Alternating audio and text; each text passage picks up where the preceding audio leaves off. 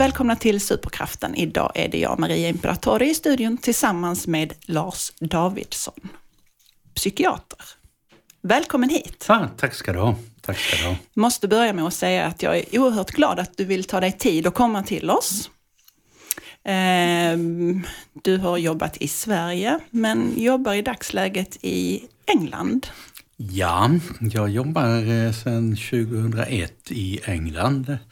Eh, dels är jag överläkare åt den engelska staten i NHS och sen driver jag min egen eh, verksamhet i form av Anglo European Clinic Limited.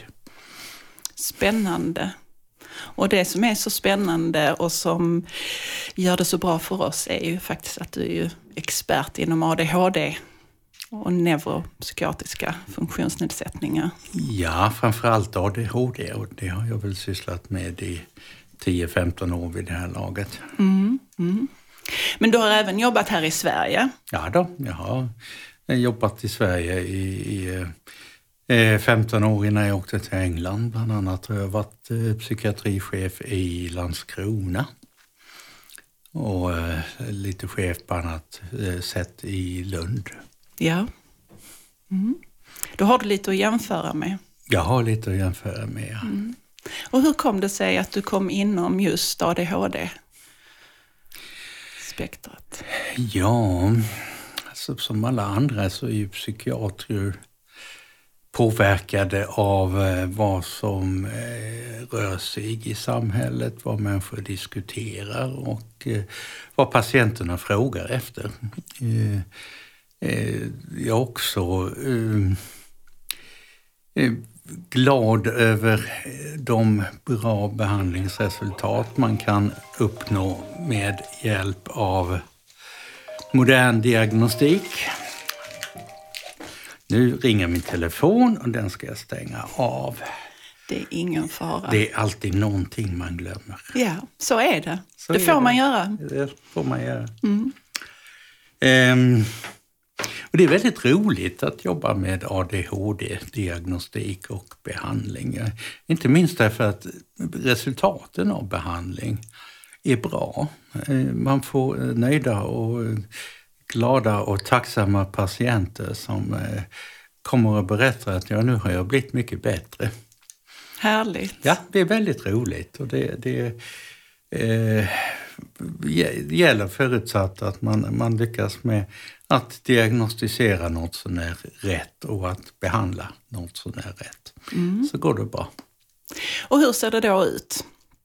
För jag är jätteintresserad av att få eh, höra din, din sida av det och hur ni arbetar. Vi har ju på vårt sätt här i Sverige, men jag vet inte, det känns ändå lite unikt hur ni arbetar. Ja, alltså om man tittar på hur vi arbetar i NHS, åtminstone där jag är anställd i södra Essex, så eh, eh, är det väl inte så mycket att berätta om egentligen.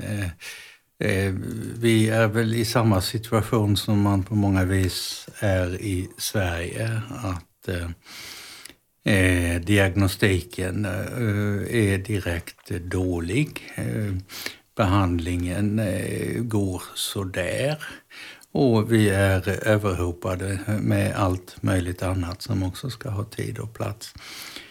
Eh, privatverksamhet är ju annorlunda därför att eh, där är inte resursbekymret så stort. Eh, det finns försäkringsbolag som betalar eller patienterna betalar själva och det som behöver göras kan bli gjort eh, utan någon större väntan. Mm. Ni har inga väntetider överhuvudtaget kanske? Nej, jag kan se en patient eh, med ungefär en veckas väntetid. Det, fungerar. Det är fantastiskt. Så då kan vi börja åka över? Ja, det finns faktiskt de ja. som har gjort det. Ja. Och det har fungerat en kombination av att man har åkt över, genomgått eh, den diagnostiska fasen och sen eh, har jag brukat göra så att vartannat besök har varit eh, över Skype så att man mm -hmm. inte behöver åka eh, eh, så ofta. För det kostar ju att åka också. Det... Ja men det är häftigt. Jag vet själv faktiskt att jag sökte i, eh, över till England eh, under en period. Ja. Eh, för att jag upplevde att inte, ja, men de här långa väntetiderna, det var förödande helt enkelt. Ehm, så det kan ju alltid vara ett bra tips till de andra. Det är också så tycker jag att eh, vi är faktiskt inte så fruktansvärt dyra. Inte? Nej, det blir inte så dyrt. Ett, eh, det, det vi gör är något som kallas för QB Tech eller QB Test och det finns också i Sverige. Eh, Det kostar 125 pund och det kombineras då med eh, en diagnostisk intervju som tar en timme, en och en halv ungefär. Själva QB-testet tar en halvtimme. Eh, intervjun tar vi 330 pund för. Och för det mesta så är vi då färdiga. Då, då har vi en uppfattning om huruvida personen framför oss eh, lider av ADHD eller inte. Och kostnaden för det paketet är 455 pund. Ja, det är inte illa. Nej, Eh, Och just det du säger här nu, sitter och förklarar i tid. Medan här i Sverige så eh, går det år innan man får eh, sin diagnos satt. Eh, och här, så i princip så kan du få din, din diagnos på en timme. Ja, du får din diagnos väl på två timmar totalt ungefär och med en, ungefär en veckas väntetid. Det är fantastiskt. Eh, det underlättar ju väldigt mycket för individen. Ja. Eh, men hur ser det då ut? Hur arbetar ni? ja, som jag sa så arbetar vi då i en, i, eh, på det sätt som NICE har sagt att vi ska arbeta och NICE är, eh, står för National Institute of Clinical Excellence. Och det är enligt de eh, normerna som all sjukvård i England är tänkt att arbeta. Eh, vi eh, genomför den diagnostiska process som jag berättade om. Eh, vi kommer fram till huruvida man lider av ADHD eller inte. Eh, nu säger jag inte att det är hela svaret, men, men eh, enligt min eh, erfarenhet så är det nästan rätt. Det kan finnas med, naturligtvis människor som inte bara lider av ADHD utan också lider av andra saker.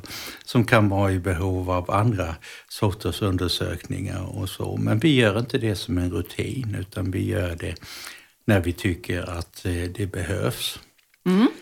Och så startar vi behandling enligt NICE guidelines.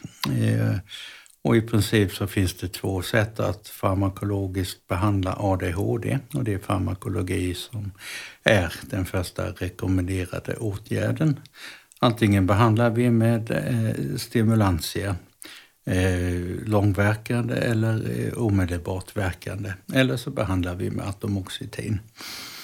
Eh, är det så att människor behöver eh, vad som är nummer två på NICE-listan, nämligen KBT, så kan vi hjälpa till med det också.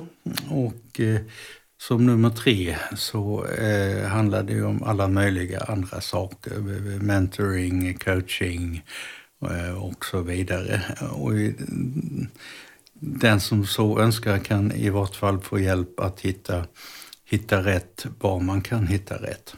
Mm. Och sen eh, ägnar vi rätt mycket tid åt att skriva eh, intyg och rapporter till, till olika eh, institutioner, universitet, om man är universitetsstuderande, skolor, om man är, är skolelev. Eh, därför att människor, i England så är det så att det finns något som heter eh, The Equality eh, Act, vilket säger att människor som lider av någon form av eh, handikapp eller impairment har rätt till eh, vad lagen säger reasonable adjustments eh, på sin arbetsplats eller sin studieplats eller så. Och då är det ju ofta så att, att eh, om man har ADHD så har man eh, en impairment och behöver olika sorters adjustments. Och I det sammanhanget så kan det vara så att en, en eh, utbildningspsykolog kanske träffar, träffar patienten och ger sin bedömning och sen skrivs det, skrivs det då eh, rapporter för att eh, skolan eller universitetet ska kunna göra de eh, anpassningar som behövs. Mm.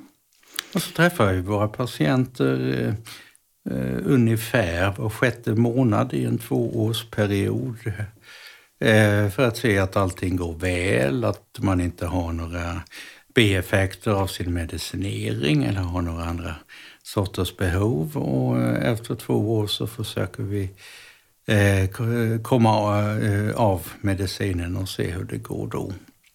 Så ni ställer av medicinen? Ja, efter två år. För Jaha. Det, det, är, för det, är det är en annan rekommendation i NICE, att, att Okej. man ska försöka komma av medicinen. Inte för att jag tror att det finns någon vetenskap som egentligen säger att det ska ske efter två år. Men vad jag tror att NICE inte vill, det är att människor ska vara på ADHD-medicin eh, för resten av livet eller väldigt lång tid framåt. Utan man, man säger att man ska försöka komma av och se hur det går. Och om det inte går så väl så är det ingen katastrof, då kan man börja igen. Men, men, eh, och det här är oavsett ålder då? Som det är Eh, två år? Det kan jag faktiskt inte svara på eftersom jag sysslar med vuxna. Ja, precis. Så ja. kan jag inte svara på om det också gäller för barn. Det kan jag naturligtvis ta reda på. Men, men eh, eftersom jag sysslar med vuxna så Ja. har vi en tvåårsgräns då. Okej. Eh, för att det var jätteintressant. Men hur ser det rent ut då statistiskt? Alltså, brukar det funka då? Jag tror att det är så att ju äldre man är, desto större möjlighet är det att det faktiskt fungerar. Ja. Det är därför jag blir tveksam när du frågar om barn. Därför att neurobiologiskt så är ju situationen annorlunda. Att eh, barn utvecklas. Ehm, det går väl, tycker jag då utifrån min erfarenhet, så där att en del människor reder sig utmärkt utan medicin och kommer inte tillbaka. Och en del eh, ringer efter två, tre månader och säger nej det är alldeles förfärligt, kan jag få min medicin tillbaka? Och då får man det. Ja. ja, men det är ju jättebra. Och då har man ju ändå testat om det funkar. Men Ja, nej, man jag, eftersom det funkar. jag reagerar så för att jag vet när då Fanny, min dotter, ehm, nu är hon ju 19 idag, men hon har ju gått på medicin sedan hon var 12-13. Jaha. Och där har det inte alls diskuterats om att sätta av medicinen överhuvudtaget. Ehm, däremot har hon gjort det själv. Ja. Ja, för att hon kände ju stundtals att nej minsann, här ska inte medicineras.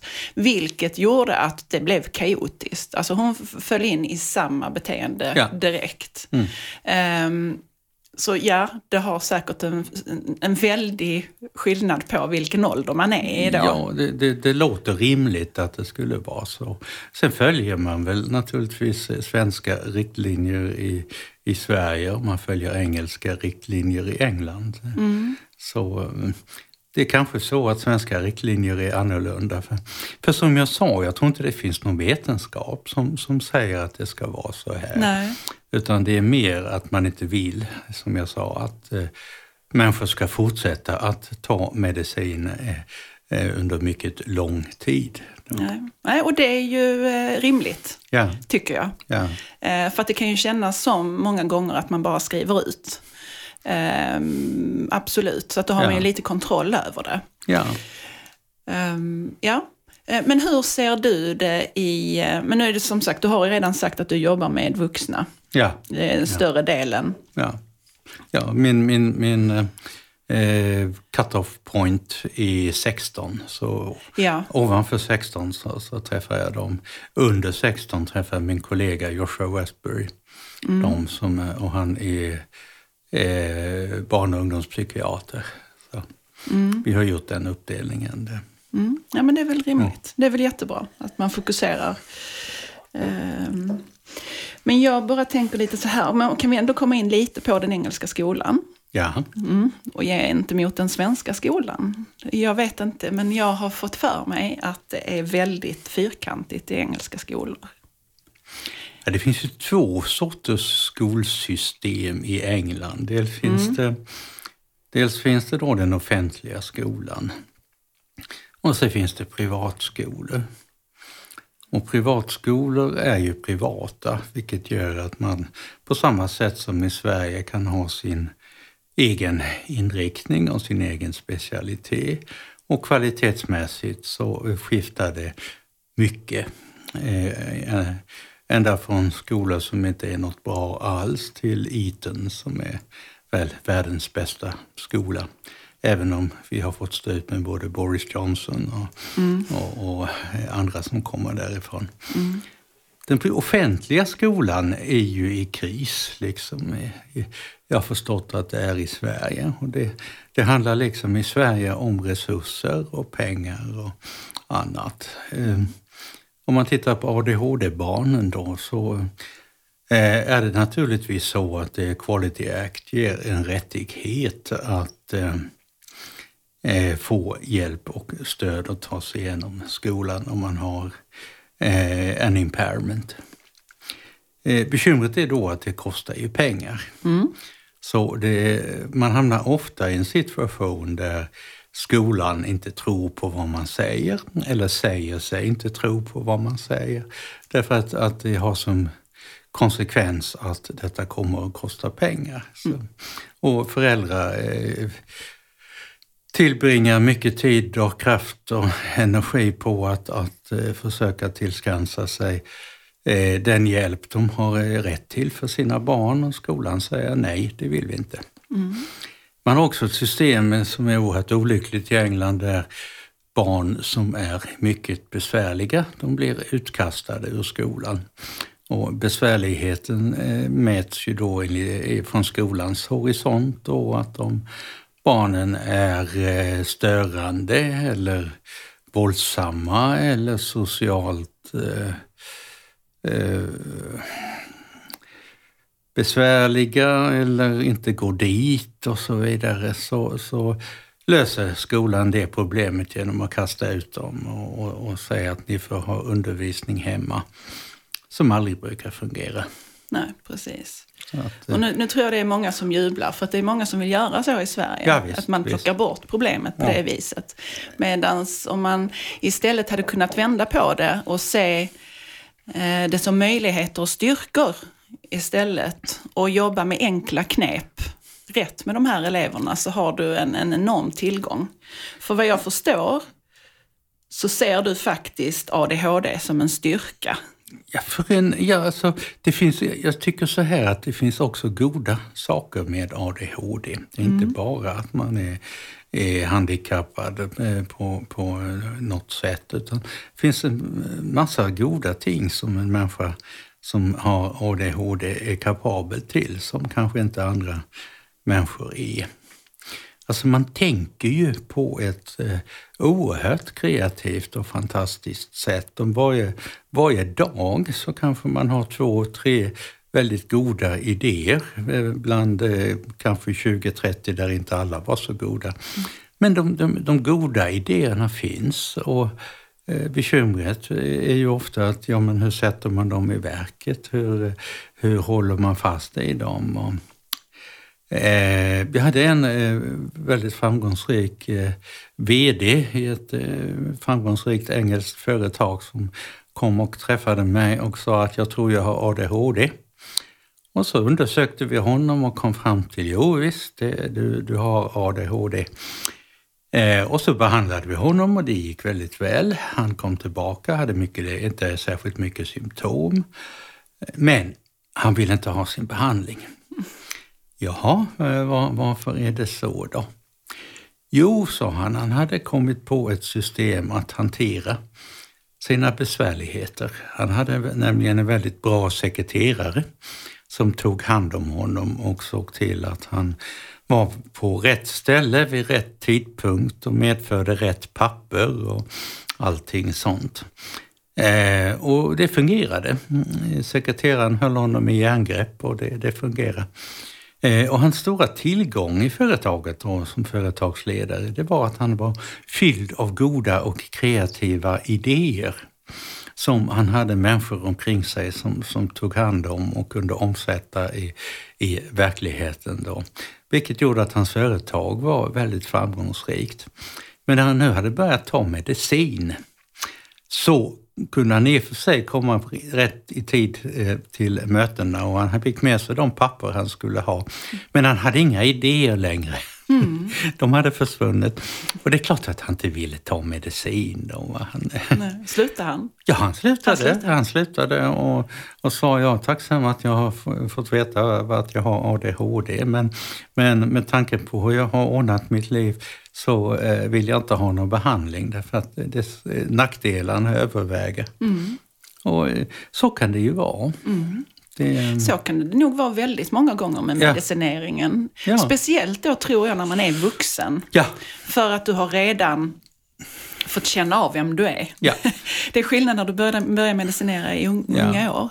Men om du, du alltså som vuxen människa så är det ju så att man brukar eh, ju ha anpassat sig till sina personliga styrkor och brister och hittat sätt att hantera livet då på något vis. Så, eh, eh det fungerar ju bra mm. för de flesta, eller för många i alla fall. Eh, och fördelen med ADHD, tank, de kreativa tankarna, de många idéerna, eh, de vill man naturligtvis ha kvar. Mm. Jag har också människor som tar sin ADHD-medicin under veckodagarna. Ja. ja. Men man tar det inte på helgen, för då är man ute och kla på clubbing. Just det. Och det är mycket roligare om man har ADHD då. ja, det lär man sig snabbt. Ja, ja man är yeah. mycket mer fylld av impulser och idéer och har mycket roligare. Mm. Mm. Eh, samma sak med semestrar då, att människor tar det tar sin medicin när man arbetar, men när man har semester så tar man det inte då. Eh, därför att det är mycket roligare att, att vara som man är på semestern. Mm. Det, det, så, men, men sådana strategier fungerar ju. Medicinen tar 20-30 minuter att verka. Så mm. Om du inte tar det på helgen så, så går det alldeles utmärkt. Om du inte tar det på semestern så går det alldeles utmärkt. Men funkar det med konserter och så också? Ja, ja det du... fungerar utmärkt. Med. Det är ja. st stimulantia som fungerar på det sättet. Atomoxetin ja. fungerar inte på det viset. Så att, eh. Men du, jag tänker, med, jag tänker med medicinering. Det här, mm, det här eh, har jag tänkt på att fråga. Min son provade Ritalin. Ja. Um, så han påbörjade det, men sen efter någon månad så sa han bara nej, det här är ingenting för mig, jag känner inte igen mig själv, så han slutade. Ja. Men han säger att han känner, han, han känner inte igen sig själv. Han skulle aldrig ha testat det här med Ritalin från första början. Finns det någon rimlig rimlighet i det att han skulle ändras personligt av den stunden av medicinering? Nej. Nej.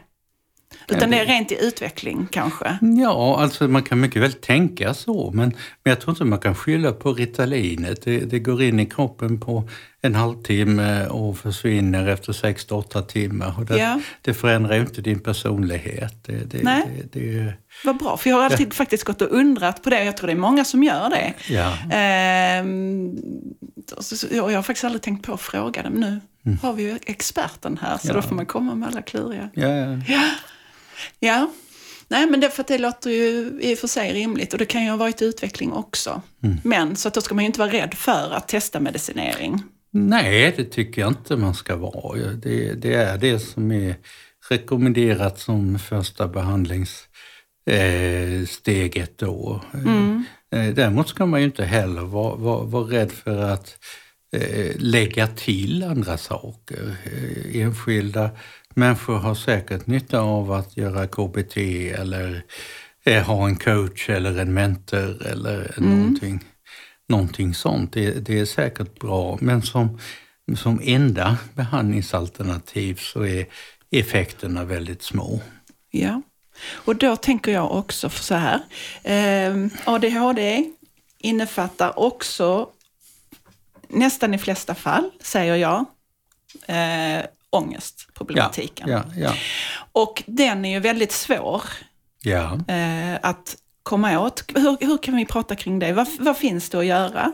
Eh, ja, men vi har, har eh, ja, vi tar min dotter som exempel, som, Mm. som har sin, sin konsert där hon går på. ja. Eh, funkar jättebra när hon inte tar den, det märks direkt. Och hon Mm. känner själv att, och det är jättejobbigt. Men ångesten, vi får inte bort den. Nej. Eh, jag skulle säga i första hand att, att om man behandlar ADHD så blir eh, andra saker oftast också bättre, typ ångest. Om det inte är så, så skulle jag nog behandla ångesten eh, för sig och säga att du har två saker. Du har ADHD och du har en ångestsjukdom. Och då är ju behandlingarna för ångest eh, i, eh, låg till måttlig ångest behandlas med KBT. Och så eh, måttlig till svår ångest behandlas med KBT och eh, medicin. Så då skulle jag nog göra så.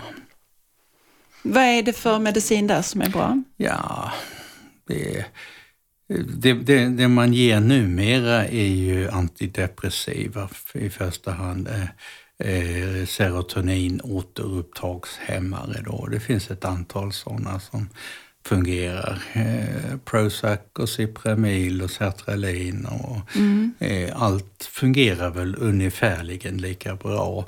Men däremot skiljer det sig i biverkningsprofil. Så det, så det är väl därför man, man kanske kan prova ett par, tre stycken då för att se vilket som eh, ger eh, bäst effekt och minst, minst biverkningar.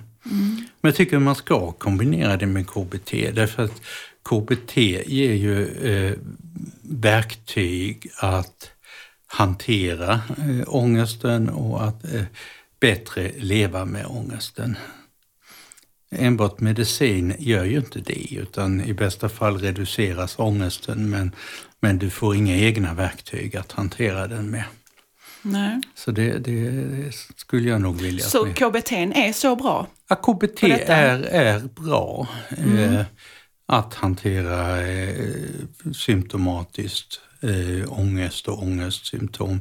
Därför att du får lära dig vad du kan göra åt det.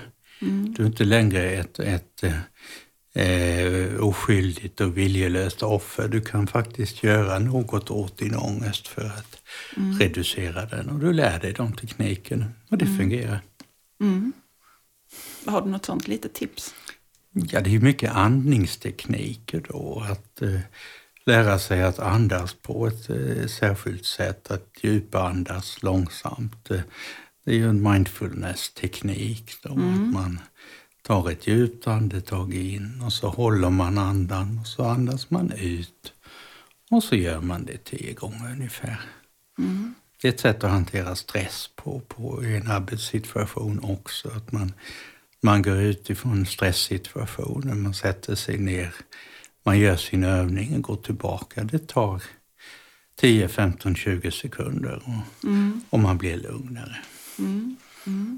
Och så ska man tänka, sig, tänka på att bara göra en sak åt gången.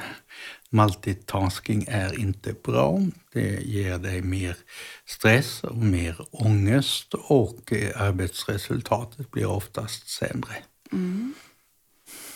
Det, det är helt eh, riktigt.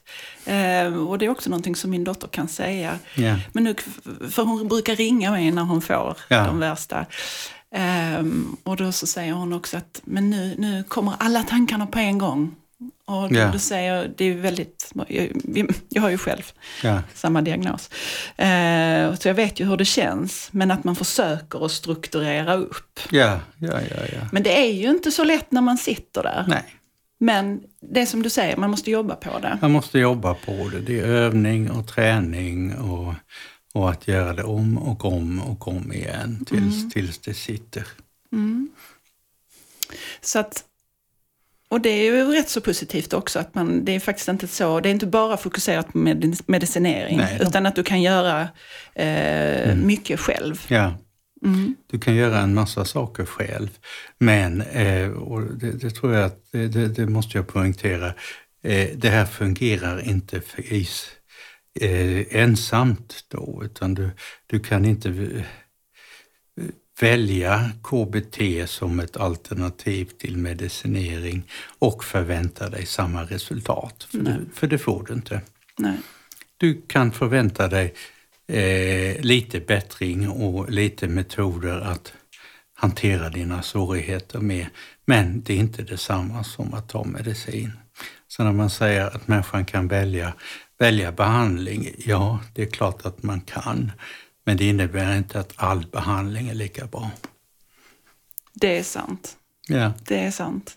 Men jag tänkte lite på det här, vi pratade ju lite innan programmet också, hur man skulle kunna med alla de här långa väntetider och, och så för att komma till och få den här hjälpen. Ja. Eh, att man faktiskt kan effektivisera det betydligt. Ja, det är ju lite det jag sa innan då att eh, man kan ju diagnostisera bra nog. Man behöver inte vara hundraprocentigt klar i sin diagnos. Man behöver inte ha undersökt varje eh, tänkbar samsjuklighet. Utan man kan ju ställa, ge ett svar på frågan om någon har ADHD eller inte. Och starta behandling. Och samtidigt få en slags uppfattning om, om det finns någon annan möjlig samsjuklighet som man må hända skulle kunna diagnostisera i ett senare skede med en relativt liten insats. Då. I min klinik så gör vi ett QB-test och vi gör en klinisk bedömning och sen tycker vi oss veta huruvida någon har ADHD eller inte. Eh, och vi kan starta en behandling och få ett svar på den här frågan, ADHD eller inte. Eh, Inom ett, eh, en väldigt kort tid och med ett relativt måttligt användande av resurser. Men jag, jag, accepterar att man kan utreda mycket mer, att man eh, kan använda sig av eh, olika observationsskalor, typ Connors och Utah och, och så. Jag accepterar att man kan göra ett antal eh, psykometriska tester för att eh, värdera intelligens eller e-, eventuell autism eh, etc. och att detta har ett värde. Men i en situation när vi har åratal av väntetider och eh, är det verkligen rimligt att göra utredningar på den nivån? Eller ska vi istället göra någonting som eh, antagligen är bra nog, men som kanske inte svarar på alla frågor? Eh, och ska vi i så fall kanske vänta och försöka besvara de andra frågorna tills det att vi, vi kan se om den behandling som vi har startat har hjälpt. Eh, jag tycker det är otillständigt med åratal av väntetider därför att så länge människor sitter på, vänte, eh, på väntelistan så händer ingenting. Allting fortgår eh, så som det har pågått tidigare. Antagligen så blir saker och ting värre. Mm. Skolsituationen går mer och mer åt skogen. Människor blir allt mer ångestfyllda och deprimerade därför att livet upplevs som ett stort misslyckande och alla skriker och skäller på en i skolan. Att det mm. säger att man är är lat eller någonting. Mm. Eh, och så kommer man då två, tre år fram, fram i tiden och får veta att man hade ADHD och påbörjar en behandling. Jo, men det kunde vi gjort för tre år sedan och antagligen hade, hade skolsituationen varit bättre. Mm. Eller arbetssituationen mm. om man är lite äldre. Mm. Ja, men det här är inte mänskligt, tycker jag. Jag tycker att det är eh, misshandel på hög nivå att låta människor eh, får finnas i de här situationerna? Alltså jag vet ju att barnpsykiatrin skulle svara ungefär att eh, ja, men vi har inte resurser att utföra alla de utredningar som, som vi tycker ska utföras. Eh, men kanske ska man i så fall också titta på det sätt man arbetar på. Mm. Kan man arbeta på något annat sätt och eh, göra mindre extensiva utredningar men ändå få ett, eh, ett svar som nog är bra nog? Eh, jag säger inte att det är den offentliga barnpsykiatrin som har fel, för det är samma saker som pågår i den offentliga verksamheten då, att man gör mycket extensiva utredningar. Eh, även om man kanske inte har så långa väntetider så finns det ju en kostnadsaspekt i mm. detta. Då. Ju mer man utreder desto dyrare blir det. Mm. Så är det ju. Mm. Det återigen handlar om ekonomin. Ja, fast för lite olika saker. I offentlig ja. verksamhet så säger man att man inte har pengar och det har man antagligen inte. Men man kanske kan arbeta på ett annat sätt. Mm. Eh, I den privata verksamheten så har man ju pengar men, men där handlar det ju om inkomster och, och om man gör enklare utredningar så sjunker inkomsterna. Och, mm. Eh, mm. och ja, det, det, men man kanske skulle göra, göra det ändå för att eh, göra privatalternativet mer tillgängligt för människor. Mm, det är sant. Tack så jättemycket Lars. Tack ska du ha. Jag hade kunnat sitta här betydligt längre och prata med dig. Ja. Jag hoppas att nästa gång du kommer till Sverige att du vill komma och prata med oss igen. Det hade ah, varit jättespännande. Ja. Jag kommer gärna att prata med Du är så välkommen. Ja. Ett stort tack för idag. Ja, och tack ska du ha. Tack.